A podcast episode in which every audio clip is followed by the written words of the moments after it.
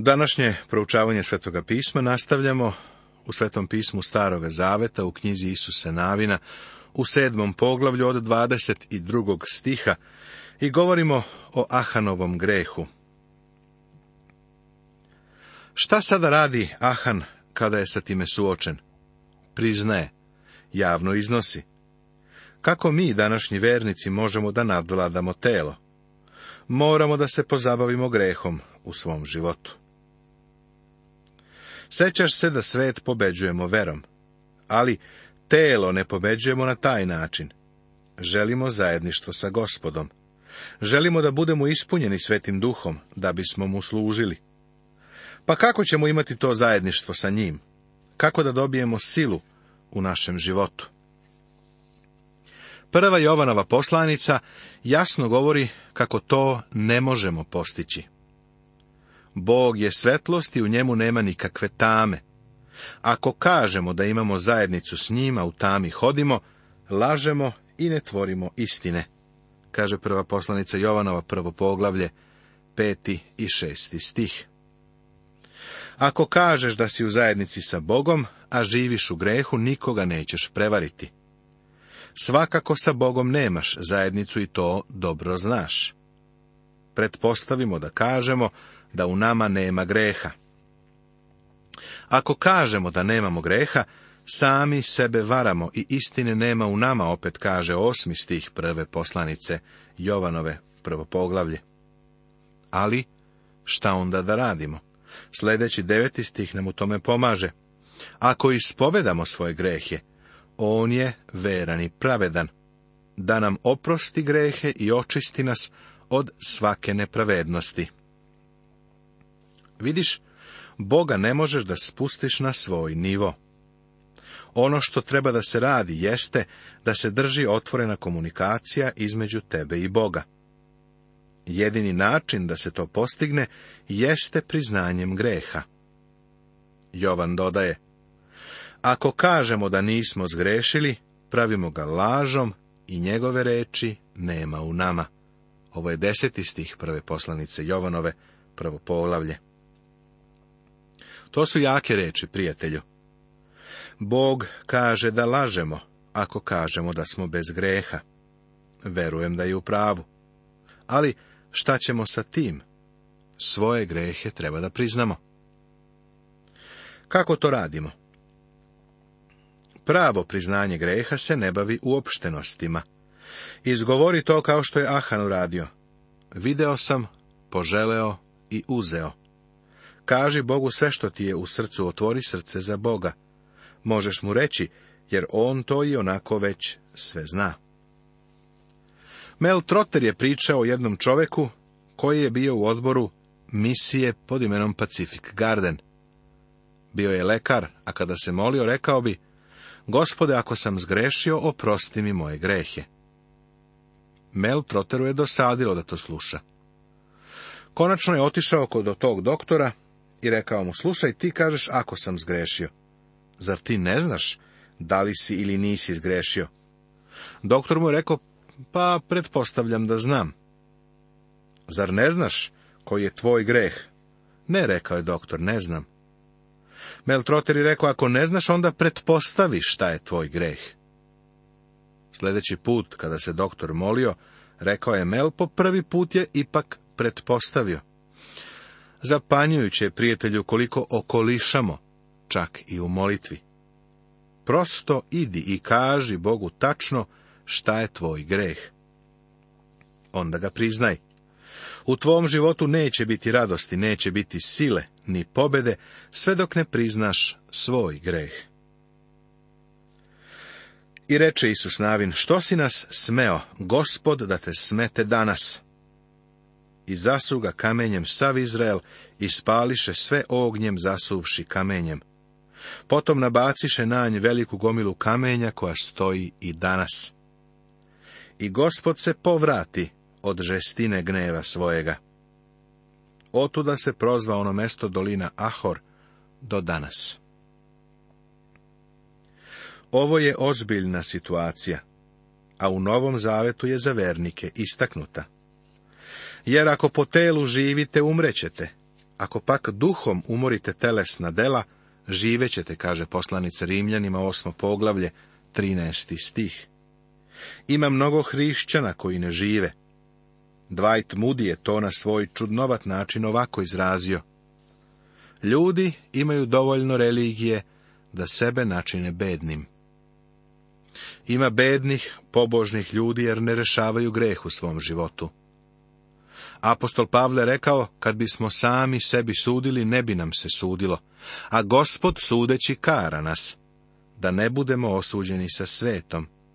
Ovo su 31. i drugi stih u 11. poglavlju prve poslanice Korinčanima. Ako ne sudimo sebe, Bog će morati da nam sudi, a njegov sud je ponekad vrlo ozbiljan. Iz iskustva mogu da ti kažem kakav je Boži sud u mom životu. Nikakva dobra nema od pritužbi kakve je Isus navinu putio. Ono što mora da se uradi jeste da se ode Bogu i da se sve jadne stvari isprave. Kada priznamo naš greh Bogu i odvratimo se od tog greha, tada ćemo doživjeti radost gospodnju. Poglavlje osmo Tema Osvajanje Gaja Kao što smo vidjeli u sedmom poglavlju, Izrael je kod malog grada Gaja pretrpeo sramotan poraz. Razlog poraza je bio greh u njihovom logoru. Sada su se oslobodili greha, pa je Bog spreman da Izraelu podari pobedu pobeda kod Gaja. I za toga reče gospod Isusu, ne boj se i ne plaši se. Uzmi sa sobom sav narod što je za boj, pa ustani i idi na Gaj. Evo, predadoh ti u ruke cara Gajskoga i narod njegov i grad njegov i zemlju njegovu. Zapazi da Bog kaže da kada krenu protiv Gaja da se povede sav narod, odnosno svi muškarci koji su za rat kao što smo već rekli, gaj predstavlja telo. Telo je najveći neprijatelj koji imaš, pa su ti potrebna sva sredstva koja posjeduješ da bi izvojevao pobedu. I učeni s Gajem i carem njegovim kako si učinio s Jerihonom i njegovim carem, ali plen iz njega i stoku njegovu razgrabite za se, namesti zasedu za grada. Setit ćeš se da u borbi za Jerihon nisu smeli da uzimaju nikakav plen, niti da se opogane. Ali ovde im Bog kaže da uzmu sve što žele. Zašto ovakva razlika? Pa znamo da su u Jerihonu besnele bolesti. Mojsija o tim zaraznim klicama i bolestima nije znao, ali Bog jeste. Obrati pažnju na to da Isus Navin gaj treba da zauzme iz zasede. I usta Isus i sav narod što beše za boj, da idu na gaj. I izabra Isus trideset tisuća junaka i posla ih noću. I zapovedi im govoreći, gledajte vi koji ćete biti u zasedi iza grada, da ne budete vrlo daleko od grada, nego budite svi gotovi. A ja i sav narod što je sa mnom primaknućemo se ka gradu pa kad oni izađu ispred nas, mi ćemo kao i pre pobeći ispred njih. Te će oni poći za nama dokle ih ne odvojimo od grada, jer će reći, beže ispred nas kao i pre. I mi ćemo bežati ispred njih. A tada vi izađite iz zasede i istirajte iz grada što bude ostalo, jer će vam ga dati gospod Bog vaš u ruke. I dok dalje čitamo, vidimo da je strategija tekla baš onako kako je Isus Navin planirao, pa je grad Gaj lako pao u ruke Izraela. Pošto Gaj predstavlja telo, iz ovog događaja saznajemo i učimo velike duhovne pouke. Pre svega, mora da se prepozna neprijatelj i njegovi potencijali. Moramo shvatiti da najveći neprijatelj kojeg imamo jesmo mi, sami sebi. Slušam ljude kako govore, Đavo me je natrao da to uradim. Pa nije. Tvoje telo je za to odgovorno. Drugo, vrlo pažljivo moramo ispitati razloge naših poraza. Prvenstveni razlog za poraz je to što se oslanjamo na sobstvene sposobnosti. Sećaš se da su uhode rekli Isusu Navinu, Biće ti potrebno samo dve ili tri hiljade ljudi da savladaš gradić Gaj. I mi mislimo da je lako nadvladati telo. Oslanjamo se na sebe u tome. Morat ćemo doći do iste pozicije u kojoj se našao apostol Pavle, kada je zavapio, bedan sam ja čovek, ko će me izbaviti od ovog smrtnog tela, u poslanici Rimljanim u sedmom poglavlju, u 24. stihu. Prijatelju, ti i ja ne možemo kontrolisati telo. Samo Boži duh to može. Tragedija je u tome da hiljade ljudi pokušavaju da ga svojom snagom kontrolišu i iskorene. Isto tako bi mogao na gomilu đubriva u seoskom dvorištu da izliješ desetine litara francuskog parfema i da očekuješ da će se pretvoriti u hrpu peska u kome tvoja deca mogu da se igraju. Ovo što poznajemo kao telo ili grešnu prirodu ne možeš ni popraviti ni kontrolisati. Samo duh sveti može da ga kontroliše. Hristos je umro, ne samo zato da bi ti imao spasenje, nego i zato da bi bila pobeđena grešna priroda. Jer što zakon nije mogao, zato što je zbog tela bio slab, učinio je Bog na taj način što je poslao svoga sina u obličju sličnom grešnom telu i za greh, i osudio greh u telu, kaže poslanica Rimljanima, osmo poglavlje, treći stih. Ovo jednostavno znači da to, kada je Hristos došao na zemlju, on je umro ne samo da bi ti imao spasenje, nego je umro da bi osudio tu staru prirodu. Drugačije Bog ne bi mogao da nas dotakne ni dugačkom motkom, jer smo zli, Hristos je umro, jer je tvoja i moja priroda grešna. Duh sveti nije mogao da nas dotakne sve dok Hristos nije platio tu kaznu. Kada je kazna plaćena i kada je naša grešna priroda osuđena, tada je Duh sveti došao u naš život i doneo pobedu umjesto poraza. Kao što je apostol Pavle rekao, tako ne živim više ja, nego Hristos živi u meni a što sad živim u telu, živim verom u Sina Božijeg, koji me je zavoleo i sebe predao za mene, kaže poslanica Galatima, drugo poglavlje, 20. stih. Poput Gaja, telo će nam naneti poraz, ukoliko se ne oslonimo na silu Svetoga Duha, da bismo osvojili pobedu. Isus Navin čita blagoslove i prokletstva. Tada Isus načini oltar gospodu Bogu Izraeljevu na gori Evalu. Kao što beše zapovedio Mojsije, sluga gospodnji sinovima Izraeljevim, kao što piše u knjizi zakona Mojsijeva, oltar od celoga kamenja, preko kojega nije prevučeno gvožđe. I prinesoše na njemu žrtve paljenice gospodu, i prinesoše žrtve zahvalne i prepisao onda na kamenju zakon Mojsijev koji je napisao sinovima Izraeljevim. Vidimo da je nakon pobede nad Gajom Isus Navin na gori Eval izgradio oltar gospodu Bogu Izraelovom. Zatim su Izraelci uradili ono što je Mojsije bio zapovedio, a Isus Navin je pročitao blagoslove i prokletstva. Vidi petu knjigu Mojsije u 11. poglavlje, od 26. do 32. stiha. I potom pročita sve reči zakona, blagoslovi prokletstvo, sve kako je napisano u knjizi zakona. Ne bi ni jedne reči od svega što je Mojsije napisao, koje ne pročita Isus pred svim zborom Izraeljevim, i ženama, i decom, i strancima koji iđahu među njima. Zapazi, da je pročitan ceo Mojsijev zakon.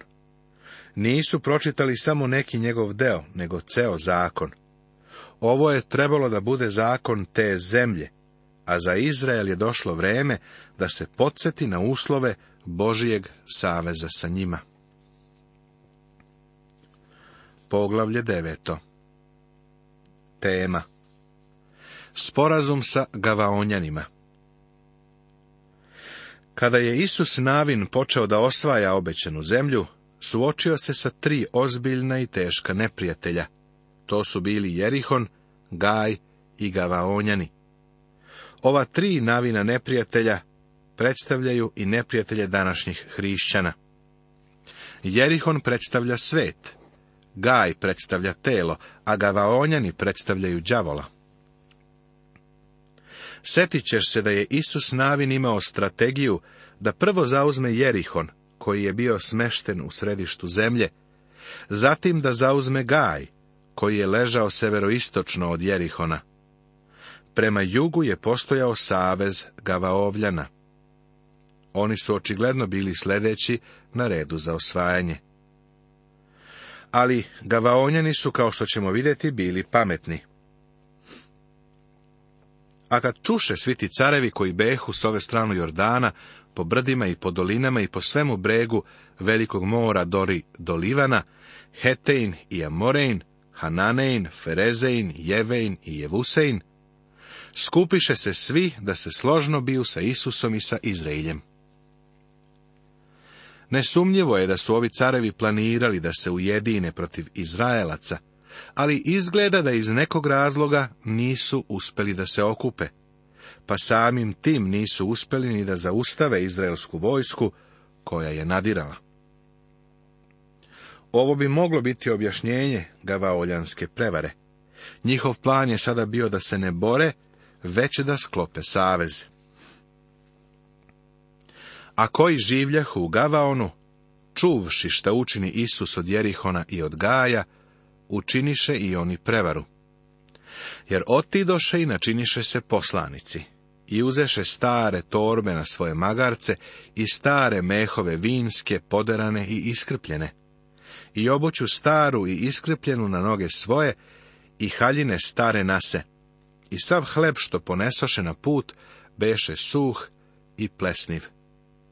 I otidoše k Isusu u oko u Galgalu, i rekoše njemu i ljudima Izraelcima, dođo smo iz daleke zemlje, hajde uhvatite veru sa nama. A ljudi Izraelci rekoše jevejima, može biti da sedite usred nas, pa kako ćemo uhvatiti veru sa vama? Ali oni rekoše Isusu navinu, mi smo tvoje sluge, a Isus im reče, ko ste i otkuda idete? A oni mu rekoše iz zemlje vrlo daljne, dođoše sluge tvoje u ime gospoda Boga tvojega, jer čusmo slavu njegovu i sve što je učinio u misiru. Gavaonjani su, vidite, bili vrlo umešni, ali i lažljivi. Pretvarali su se da su poslanici iz daleke zemlje, a u stvari su živjeli nekoliko kilometara od Jerusalima. Isusu navinu su rekli da zaista žele da obožavaju i slave jedinog i istinitog Boga. Zatim su njegovu pažnju skrenuli, ako on sam već nije bio primetio, na stare torbe, vinske mehove, na staru obuću i pocepanu odeću, kao i na hleb koji se uplesnivio. Sve je to bila obmana, ali je Isus navin pred tim pao. Bog je Izraelcima zapovedio da u potpunosti sa zemlje zbrišu taj narod i da sa njima ne sklapaju nikakav sporazum. Iako je Isus Navin imao nameru da bude poslušan Bogu, bio je prevaren, pa je tako na prevaru sklopio savez sa njima. Zapazi da ni Isus Navin, ni ostali ljudi iz Izraela nisu tražili Božije mišljenje pre nego što su ušli u taj savez. Kao što se sećaš, Jerihon predstavlja svet. Kako nadvladavaš svet? Verom. Gaj predstavlja telo. Kako nadvladavaš telo? Ne boreći se protiv njega, nego uviđajući ličnu slabost, priznajući je Bogu i dozvoljavajući Svetom Duhu da donese pobedu. Sjeti se da je Bog rekao, ja ću ti dati gaj. Sada smo stigli do trećeg neprijatelja, do Gavaoljana, koji predstavljaju đavola. Pošto fescima poslanica iz Novog Zaveta odgovara knjizi Isusa Navina iz Starog Zaveta, ovde nalazimo vrlo značajnu paralelu. Obucite se u sve oružje Božje, da biste mogli odoleti đavolskom lukavstvu. Kao što su Izraelci morali da se čuvaju gavaoljanske prevare, tako i današnji vernik mora da se čuva od prevare đavola jer naša borba nije protiv ljudi od mesa i krvi, nego protiv poglavarstva, protiv vlasti, protiv vladara ovog mračnog sveta, protiv zlih duhova na nebesima. Naš pravi neprijatelj danas nije telo, ni krv, nego duhovni neprijatelj. On je Sotona. Pa ipak, koliko hrišćana danas to uviđa? Šta on radi? pokušava da te prevari da ga slediš. Nisam siguran da neko želi da od tebe načini pijanicu ili narkomana. Mislim da se on stidi te svoje gomile po barovima grešnim mestima sveta. Prošle nedelje je otišao u crkvu, a ići će i sledeće nedelje. Želi da bude religiozan, želi da ti padneš pred njim i da ga obožavaš. Vešt je, pa zavarava mnoge hrišćane. Đavo je u stanju da nas zaslepi